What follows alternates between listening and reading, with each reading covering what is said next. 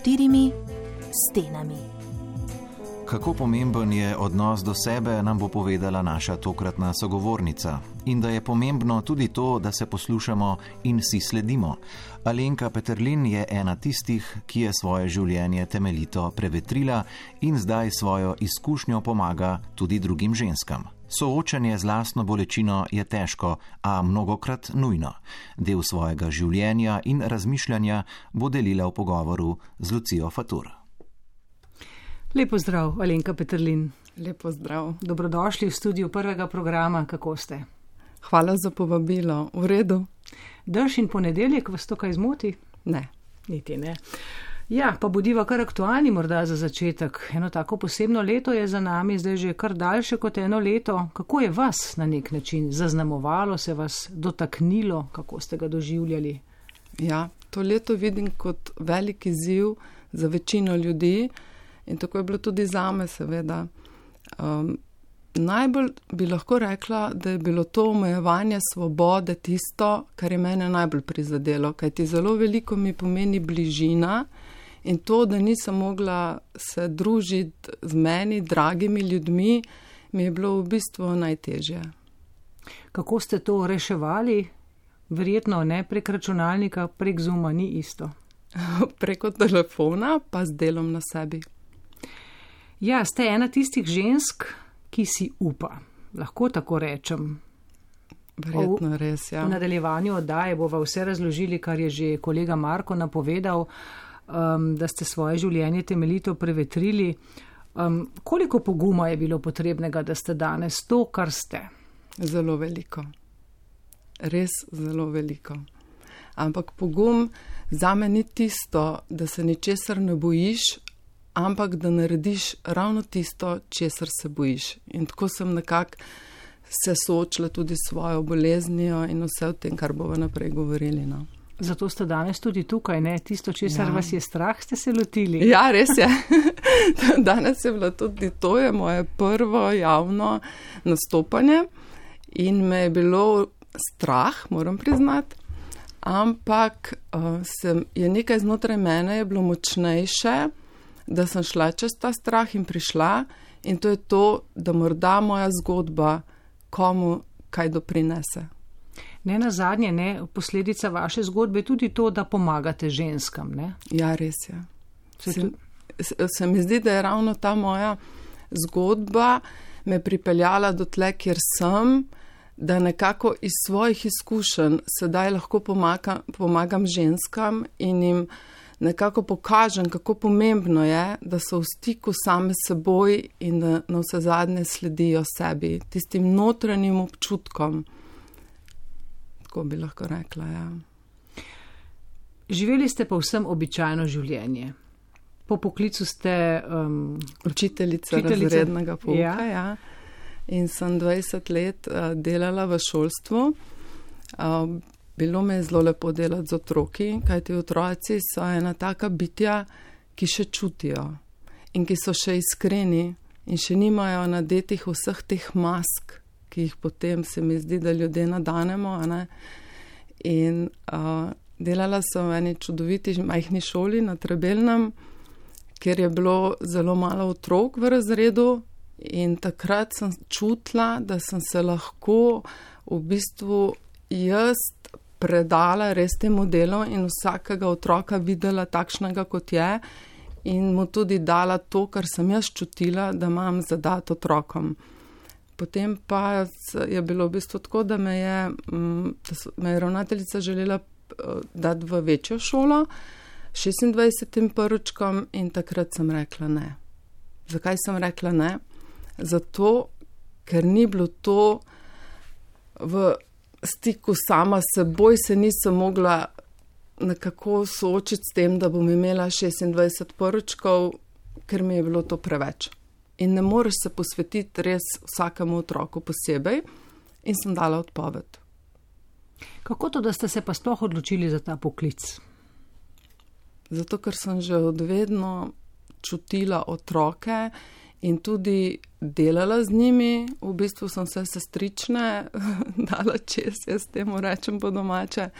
In že pri 17 letih sem tudi sodelovala uh, v socialno službo, ker sem imela enega fantka, ki je bil v petem razredu in sem ga pripeljala potem do službe.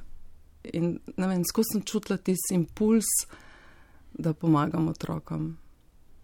Ste mi pa povedali, ko smo se dogovarjali za tale pogovor, da pa ste vendarle nekako čutili vse življenje, da delate po pričakovanjih drugih. Ja, tudi to je res. Ja. Um, je bil morda tudi izbira poklica potem? Tudi morda, ja. Uh mhm. -huh. Morda bi, če bi res sebe poslušala, bila, bila psihologinja ali pa socialna delovka ali nekaj tajšnega, ampak je bilo pač učiteljica bolj spremljivo, nekako se mi zdi. No? In si nisem sledila. Zdi se mi, da sem bila vedno zelo v stiku s seboj in da sem vedno čutila, kam ne grem, ampak da nekako delamo tako, da malo pogledamo, kako bi bilo drugmu všeč, in potem si ne sledimo. To, ker nimamo tistega občutka, da je prav, da sledimo sami sebi. Se pravi, ste čutili na nek način v življenju, da malce proti sebi vse čas delate? Ja, vedno. Ste, si, ste kdaj o tem razmišljali, ste se tega v bistvu uh, zavedali? Ja, skozi, ampak sem mislila, da je bolj prav, da delam tisto, kar je prav in ne tisto, kar v sebi jaz zase čutim. Kajti zelo se mi zdi pomembno to, da ni splošnega prav, ampak da je prav tisto, kar mi globoko v sebi čutimo. Kajti občutki, jaz rečem, da so govorica duše, ali kako bi temu rekli, nekako tako čutim. Se vam zdi, da ljudje na splošno prevečkrat živimo neko življenje, v katerem morda niti kaj dosti ne razmišljamo, smo nekako ujeti v narekovajih van, niti ne razmišljamo preveč, ali smo zelo zadovoljni ali ne? Lahko različno. Nekateri ljudje ja, nekateri ljudje ne, lahko pa rečemo sebi, da sem zelo čutila tisto, kar si jaz želim in kar je moje. Ampak, kot pravim, no, meni se zdi, da pač tisto je treba nekako, da je za vse prav. A ste pogrešali morda neko notranje zadovoljstvo, neko srečo, mi rečemo sreča, ampak se kaj pa to sploh je? Ja, se to, kaj je to sploh sreča. Ja. Um, mislim, da je sreča takrat, kadar slediš res tistim notranjim občutkom. No, Alenka, um, pustili ste službo. Ja in potem zboleli. Ne. Ne še takoj. Ne, zbolela sem že deset let nazaj. Pred, predn ste ja, postali službo. Ja, po drugem porodu sem zbolela. V bistvu je bilo tako, da sem bila že od mehnega skozi nekaj bolna. Ampak mislim, da je bilo to takrat, kadar je bil prevelik pritisk na me in sem enostavno mi telo ni zdržalo in sem zbolela. Potem pa je bilo po drugem porodu, ko je imela punčka dva meseca sem pa neozdravljivo zbolela, so rekli. In to je, zbolela sem za kronovo boleznijo. In na to je, opišem, kako je ja, bilo.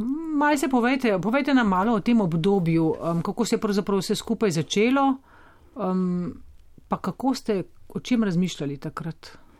Začelo se je v bistvu z drisko, ki se ni končala.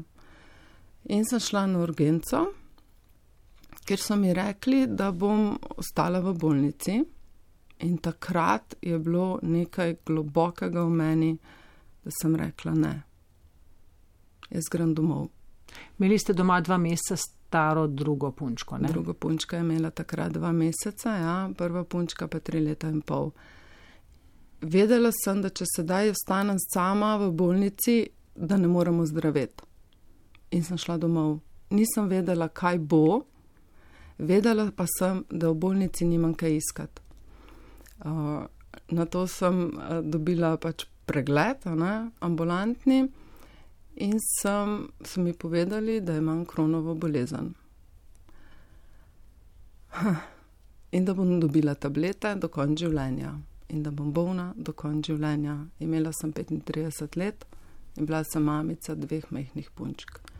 In učiteljica v razredu. In učiteljica v razredu, ja. In sem rekla, ne, ne bom. Če je bolezen od nekje prišla, lahko tudi nekam gre. Um, in potem se je pa začelo to raziskovanje. Ja. Najprej sem začela s prehrano, pa ni nič pomagalo. S homeopatijo, pa ni nič pomagalo. Z energetskimi čiščenji, pa ni nič pomagalo. Potem sem pa nekako ugotovila, da je vse v meni. In da če lahko ozdravim, lahko ozdravim zaradi sebe, iz sebe. In potem sem začela z raziskovanjem, v bistvu same sebe, in tudi jaz pravim, da sem vem, tri doktorate naredila. Na kakšen način, Alenka, ste raziskovali samo sebe? To se sliši malce abstraktno. ja. um, to, kaj je tisto, čemu, čemu ne sledim jaz sama, sama in katera so tista čustva mogoče, ki jih sama ne sprejmem. Kaj ti ni to, da nimamo čustev ali da so neka čustva dobra, slaba, ampak katerih jaz ne sprejmem ne, pri sebi. In na vse zadnje, meni je najbolj pomagalo to, empatija do sebe. Zato pravim, ljubezen in sočutje zdravita. Um, prvo je bilo tisto, da ljubezen do otrok, mislim, da je bila tista ta prva, ki me je, lahko bi rekla, gnala naprej. Uh, drugo je bilo pa potem ljubezen do sebe, ki je sedaj tako upevana, ampak kaj to sploh je, jih večina niti ne ve. In jaz tudi uh, to, kar zdaj pač delam, učim ženske, kaj je sploh ljubezen do sebe. In to je tisto, da smo empatični do sebe v vsakem trenutku, tudi takrat, ko smo žalostni, tudi takrat, ko smo jezni, da imamo samo empatijo. Da sami sebi damo tiste občutke ljubezni, tiste občutke sočutja, da se ne kritiziramo, ker se mi zdi, da imamo zelo velik tega notranjega kritika in ki nas kar naprej nekje od ozade kritizira. Ne? Poglej se zdaj, kakšna si, pa zdaj nisi to dobro naredila, pa zdaj nisi v redu, ker si jezna. Da res si sočuten z vsakim delom sebe. In bolj, ko sem razvijala to empatijo do sebe, to sočutje do sebe, bolj sem bila zdrava. Um, potem sva zdaj tam, kjer ste pustili službo. Ja, kako ste takrat pa razmišljali, kaj bom počela, kako bom živela? Ja. Ali ste zaupali nekemu notranjemu glasu, ki je rekel, vse bo v redu? V bistvu je bilo tako. Vedela sem, česa nočem in kaj ni v skladu z menoj, in verjela, da za me je tudi en prostorček na tej zemlji, da lahko nekaj počnem in nekomu nekaj dam. Ja, s tem, da sem veliko študirala tudi eh, že prej, tudi transpersonalno psihoterapijo, sem se soočala z njo, potem dr. Dispenza, placebo ste vi, eh, tudi epigenetiko, marsikaj sem pač prebrala, v teh desetih letih v bistvu je bilo to, ne? preden sem je službo potem postila. In čutila sem, da lahko nekaj svetu dam. In potem se je začelo kar samo od sebe obračati, da sem začela naslavljati nekako ženske, kajti otroci na vse zadnje prihajajo iz žensk. In se mi je zdelo zelo pomembno, ne samo kako se počutijo otroci, ampak tudi ženske, ker se mi zdi, da ženske pozabljamo veliko krat na se. In sem nekako potem eno stopničko šla naprej ali nazaj, bi lahko tudi rekla, ne, mamicam in sedaj pomagam ženskam. Najbolj vesela sem pa, kadar pridejo kakšne 13-letnice, 17-letnice, ki že delajo na sebi. Ja, tudi take imam. Zelo ponosna na njih. Um, verjetno ste v sebi rekli, ste ne, vedela sem, česa ne želim. Ja. Um, a ste že, že odnegdaj nekako čutili, da ne pašete čisto stoprocentno v ta vsakdanji svet. Ja, Že od malega. Že od malega sem bila zelo posebna. Ja. Um, mami pravi, da, sem, da so me mogli odpeljati ven, ko so pobijali muhe, ker je stara mama tokla muhe. Mene so mogli pa ven odpeljati, ker sem jo kala. Ali pa recimo pri treh letih so me iskali, kje sem, jaz sem pa sedela pred hladilnikom in gledala ribice, mrtve in jo kala. No, tako da zelo sem bila občutljiv otrok, zelo sem bila čutna že od malega. Uh, in to pač v, na tem svetu ni ravno vrlina, ne, biti občutljiv, ampak sedaj se mi zdi, da je to moj poseben dar, da ravno ta čutnost in ta občutljivost tudi za druge, da jim ravno s tem lahko veliko pripomorem, doprinesem, ker jih čutim in potem sem tudi z njimi sočutna. In da se mi zdi, da to ljudje zelo rabimo dan danes. Vedeli ste, česa ne želite, pa ste imeli pa morda nek, bom rekla, plan, kaj si pa želite. Ker ne na zadnje, ne bi bilo treba narediti nek korak, nekaj, ne? začeli ste se s tem ukvarjati. To morda pride spontano ali kako. Hm, ja. Uh, lahko bi rekla, da spontano, ja da sem enostavno čutila in sem temu glasu sledila. In sem si odprla firmo z imenom Tulsi, ker mi je bilo všeč. In to kaj pomeni? Uh, ja, uh, to je v bistvu Tulsi, je bila sicer ena boginja. In uh, zdraven tega je še tudi sveta bazilika to v Indiji. Zanimivo mi je tudi to, da sem že prvih črke dala ime Tula, ne, to je Tula Si, je bila v bistvu ta boginja, čist po občutku in je iz Indije, druga hčerka je pa Indi. V bistvu zelo tako me je vodilo nekaj znotraj mene res v to. Sploh ne znam opisati, ker ni bilo iz glave, ampak je bilo iz notranjega impulza, jaz temu rečem, in iz notranjih občutkov. In ker sem začutila, da bi rada doprinesla ženskam. Uh, imam tudi narejeno uh, tantrično del, delavnico ne, in sem potem tudi tantrično delavnico najprej za ženske organizirala in potem me je ena tam videla in je rekla, lahko pridem osebno k tebi in sem rekla, ja, dejansko se je res samo odvilo, brez da bi razmišljala o svojih načrtih. In tako da zdaj pač delam individualno, imam delavnice tudi za ženske in tudi tantrično masažo za ženske. Kako izgleda delavnica, recimo, ali pa vaša srečanja, no, ženska, um, kaj počnete? Večinoma Kako izgleda vse skupaj? Ja, večinoma se pogovarjamo. Ženska pač pove, kakšne ima težave, in jaz se potem peljem njo do stika s seboj, da pogleda, kakšne so njene morda bolečine, iz kje izhajajo, ali iz otroštva, kako se pač počuti, kakšna ima prepričanja, vzorce pregledamo. Ne vem, vodena sem, kako naj rečem, vodena sem vsako terapijo posebej. In tudi eh, te tantrične masaže, ki jih imam, so v bistvu tudi to, kar se mi zdi, da je zelo pomembno za žensko, da je v stiku s svojim telesom, ker nam telo v resnici vse pove, ne, če ga poslušamo.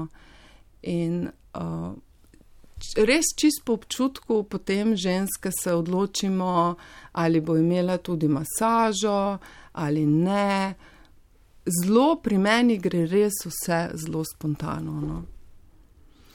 Um, Alenka, kdaj je tisti pravi trenutek za spremembo? Kaj je bilo tisto, kar da ste vi rekli, da ste napisali odpoved?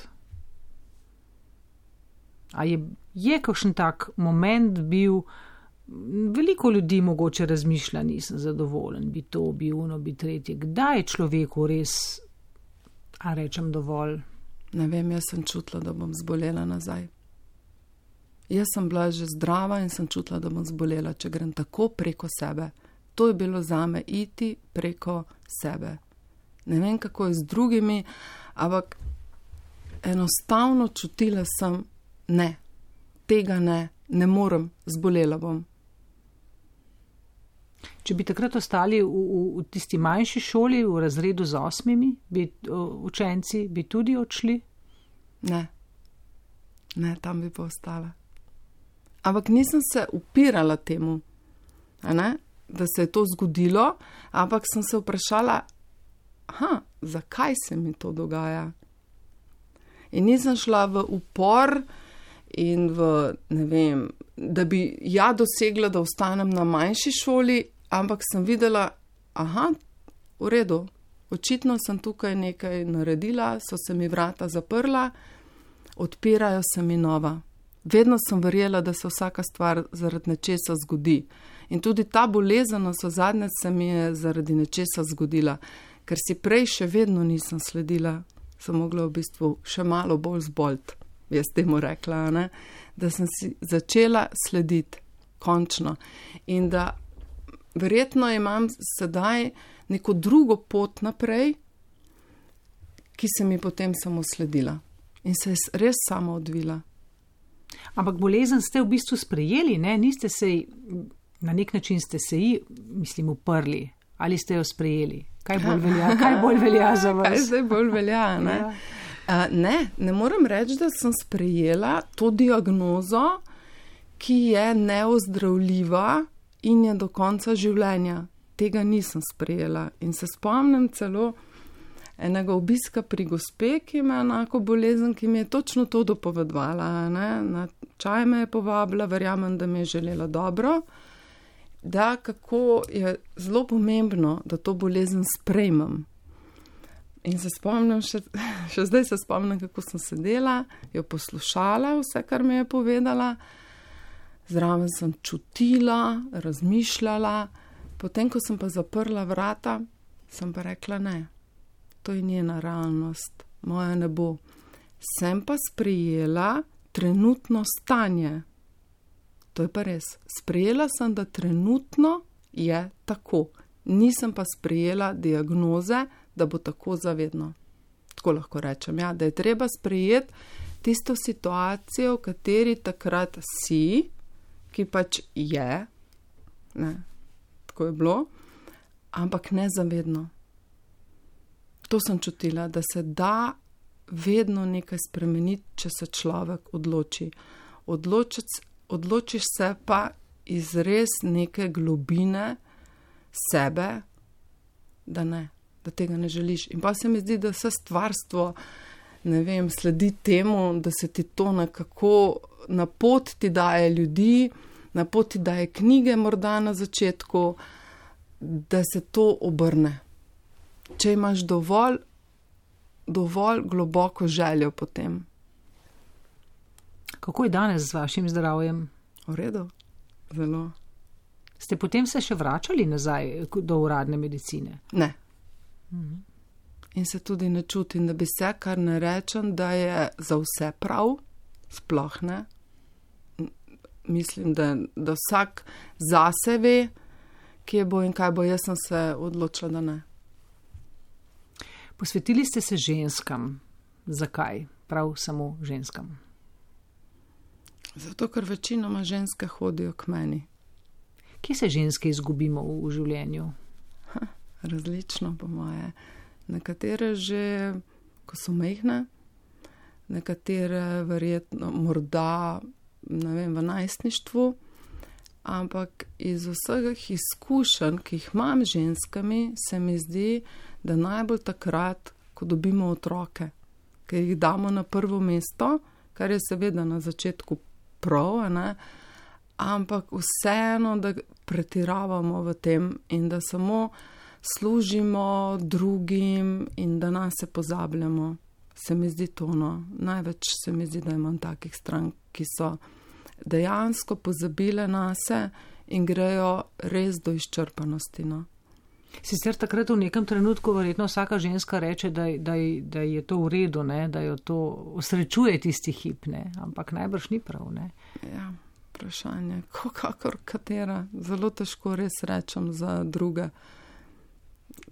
Včasih ženske morda ne, mislijo, da bi morali na silo vzeti si čas zase. Ne? Ja, bolj to, da bolj ženske razmišljamo, kaj vse bi morale. Ne tisto, kar v bistvu si želimo. In to ne pomeni, da si ne želimo biti z otroki. Ampak se niti ne vprašamo, kaj si želimo. Ampak samo kaj moramo. Moramo to, moramo tisto, moramo tretje. Da se vsaj ženska vpraša, kaj si želim. To se mi zdi zelo pomembno. No? Zdaj, dan danes je en kup enih, um, pa tudi v tem korona času, žensk, ki delajo od doma po 12, 13, 14 ur na dan, ujete v, v sedenje pred računalnikom, morda otroka ali dva celo šolanje od doma. Kaj bi rekli takim ženskam? Ne, vsaka taka bo rekla, ma kje naj si vzamem čas zase, se ga nimam. Ne? Ja, točno to se dogaja. In imam tudi sestro, ki ima tri majhne otroke. Um, tudi ta perfekcionizem je. Ravno včeraj smo se s prijateljico pogovarjali, da v bistvu imamo zdaj občutek mame, da moramo delati za šolo. Kot da je ta, to vse na nas padlo in da mora biti vse perfektno, da mora vsak otrok imeti perfektno vse narejeno za šolo. Včasih tudi to, tudi moje, priznam, da nimata. Vse tisto res stoprocentno. Ta stoprocentni, kako moramo biti stoprocentni v vsaki stvari, ki jo počnemo, in potem seveda mama ne, s tremi stoprocentno ne more, da malo razmisli res sama, koliko je res nujno potrebno. Kaj te otroke sem smela tudi v Montessori šoli v Bruslju, ki smo bili pet let in sem videla čist drug način, ne? dela z otroki, um, s starši na vse zadnje, kako, si, kako ni bilo potrebno, da je vse stoprocentno upravljeno, kako so bili te učitelji in tudi starši bolj sproščeni. Uh, tukaj je otrok uh, boljši, tukaj ni tako, ampak je bilo vse ok. Takš, takšen pač je in je bil sprejet toč, točno takšen, kakršen je. In tudi jaz, če sem imela kakršno koli težavo, sem prišla k njim in sem bila v redu, tudi če nisem zmogla. In takrat sem, se mi zdi še največ uh, te energije dobila, da je v redu tudi če ni stoprocentno. Da vsak je v nečem dober, v drugem ni, da smo si ljudje različni. In je bilo vse tako zelo sproščeno, bi lahko rekla. In ko sem enkrat jaz videla, da obstaja tudi drug sistem, tudi drug način, tudi drug pogled, tudi drugo delovanje, sem spustila. Takrat se mi zdi, da sem veliko spustila. Tudi ta pričakovanja od sebe, od svojih otrok in od drugih. No. Od tot neverjetno vaša tudi razmišljanje, bo bolje, da grem za učiteljico. Ne? Ja. Iz lastne osnovne šole ja. in tako naprej, ki ja. je precej storilnostno. Ja, storilnostno je naravnana naša res. Kako ste danes? Mislim, ne mislim danes, danes, dan danes, po vseh letih. Koliko let je zdaj tega? Od česa? Od bolezni? Od, ja, bolezni, ko ste pustili službo, novega življenja. V redu. Koliko let je tega? A ja, se res, to pa nismo rekli. Uh, postila sem službo v bistvu jaz uh, leto pa pol nazaj šele. Uh mhm. -huh. Tako da je to nekaj novega za me. In se vam je vse to že zgodilo? Ja. Sem v resnici ja. mislila, da je več. Ne, ne, ne, ne aha, te, o tem se nismo nič pogovarjali. Ja, koliko je, ja. let je to? Leto pa pol je šele od tega, ja. Tako da ste padli v, padli v narekovaju, v ta korona čas, ravno takrat, ja, res ko ste. Je, ja, res je. Ja. Ravno takrat, ko sem v bistvu to odprla in začela z delavnicami, se je vse skupaj zaprlo. Ampak, kot pravim, ne vem, vesolje že poskrbi za te in sem potem začela individualno delati ne, z ljudmi tudi po Zoomu, preko telefona. In se mi zdi, da še bolj morda ljudje zdaj rabimo ne, neko podporo. Sej to ni nič, da jaz rešim od kogarkoli, karkoli, ampak tista podpora, ki jo ljudje rabimo, tisto občutek, da si slišan, da je nekomu mar, da, da kot neka maternica mogoče, no, ki jo res rabimo, kdaj, ko pademo. In takrat ne znamo sami ven, ne. In rabiš takrat neko pomoč, da, nekdo, da ti nekdo poda roko morda in te odpelje iz tiste teme, bi lahko človek rekel. Hoditi moraš pa i tak sam. Ampak ženskam zato dan tudi uh, dela meditacije, da, da nimajo občutka, da so same. Tisti teden, recimo, največkrat pridejo na začetku, enkrat na teden, uh, da nimajo občutka, da so same, da, da imajo neko podporo, kamor lahko grejo vsak dan v to kratkašno, kratko meditacijo, recimo notranjega otroka. To se mi zdi zelo pomembno, ne, da se vrnemo nazaj, kajti vsak človek notri nosi svojega notranjega otroka. Ne. In je meditacija tako kratka narejena, potem je za žensko energijo tudi meditacija, za predajo čustev kaj ti doskrat nas čustva prevzamejo in ne vemo, kaj potem z njimi naredimo. In to je čisto vsak dan v vsakdanjem življenju. In gre ženska lahko ta čustva nekako predati in se takrat tisti trenutek že boljše lahko počuti, ne šele da čaka, da zopet pride do mene. In za spreminjanje prepričanj. Tudi jim rečem, recimo, da naj si zapisujejo svoje misli, da naj najdejo svoje svoja prepričanja in potem sem naredila tudi po dr. Dispenzi to, eh, to meditacijo, spreminjanje prepričanj, spreminjanje vzorcev, predaja čustev. Tako da imajo kar en tak lep nabor mojih meditacij in si lahko z njimi pomagajo tudi umesana in lahko me tudi pokličajo, če je že res kriza.